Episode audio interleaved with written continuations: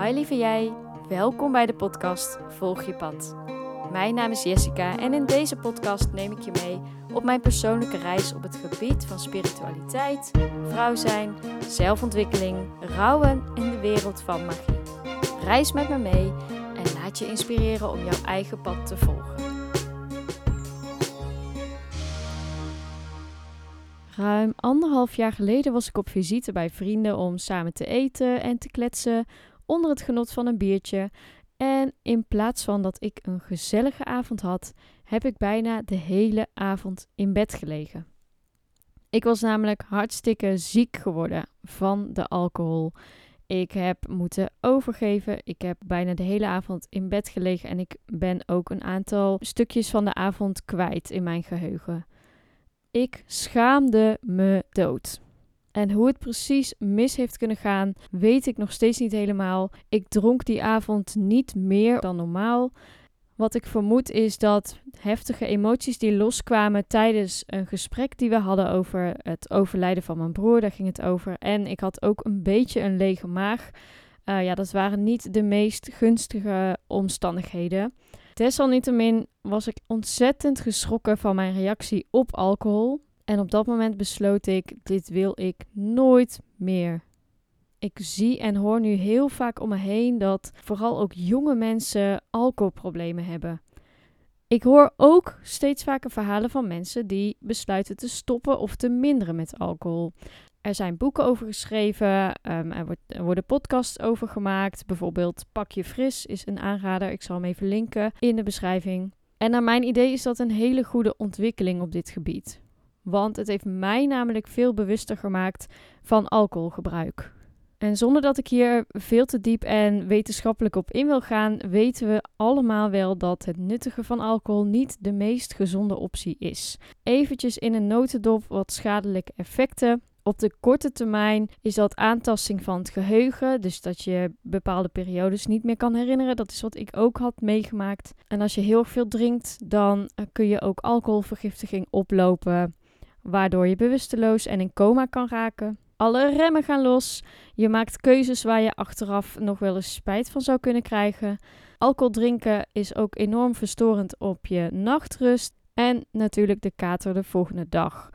En als je lang en veel drinkt, dan zijn de schadelijke effecten op de lange termijn dat het slecht is voor je fysieke lichaam, omdat er nou eenmaal heel veel calorieën en suikers in zitten. Dus eventueel overgewicht is daar een resultaat van. Het kan leverproblemen geven. En het heeft ook ontzettend veel invloed op je hersenen.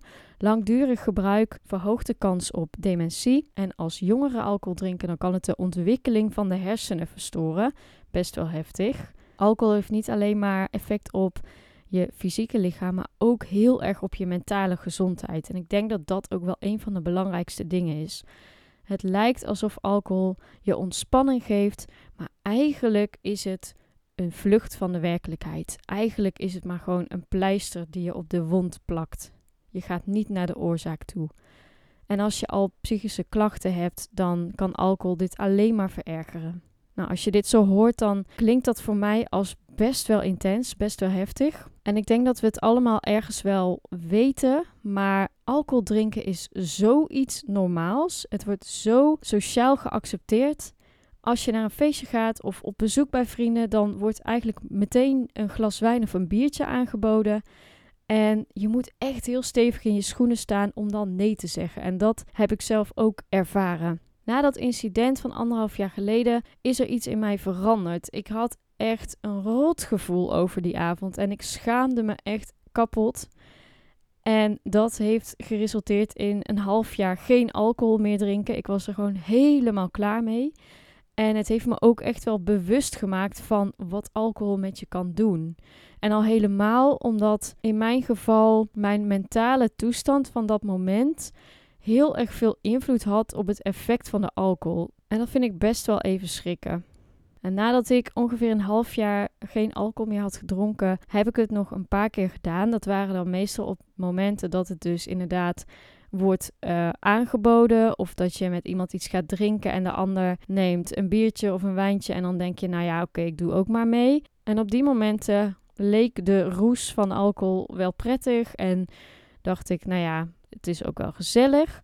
Maar ik merkte toch ook wel heel erg dat mijn nachtrust gewoon niet optimaal was. En de katerige dag daarna, ook bij helemaal niet zoveel glazen alcohol, of misschien zelfs maar bij één, merk ik toch de dag erna dat ik niet helemaal in mijn hummetje ben. Ik zit niet lekker in mijn vel. Ik ben moe. Ik heb wat hoofdpijn, een beetje duf. Gewoon niet helemaal optimaal. En dat vind ik ook echt wel heel erg zonde van mijn dag en van mijn tijd. Dus ik heb besloten om te stoppen met alcohol drinken, tenzij ik er heel bewust voor kies om het wel te doen. Ik heb dat wel als lastig ervaren en eigenlijk nog steeds. Zo was er een keer op een feestje die ik zelf gaf, waar ik een opmerking kreeg van: Oh, wat jammer dat je niet kan drinken op je eigen verjaardag. Het is waarschijnlijk hartstikke goed bedoeld, maar op dat moment dan denk je wel van: hmm, ja, oké. En laatst had ik het ook nog dat ik met iemand had afgesproken en diegene had voordat ik het door had al twee biertjes en nou ja, uiteindelijk heb ik er maar één ook opgedronken. Was op zich prima. Ik bedoel, ik heb er wel ook van genoten, maar achteraf gezien dacht ik, moest dit nou? Had ik hier echt behoefte aan? Nee, eigenlijk niet. Dus dat zijn van die momenten dat het heel belangrijk is dat je stevig in je schoenen staat en weet wat je wel en niet wilt.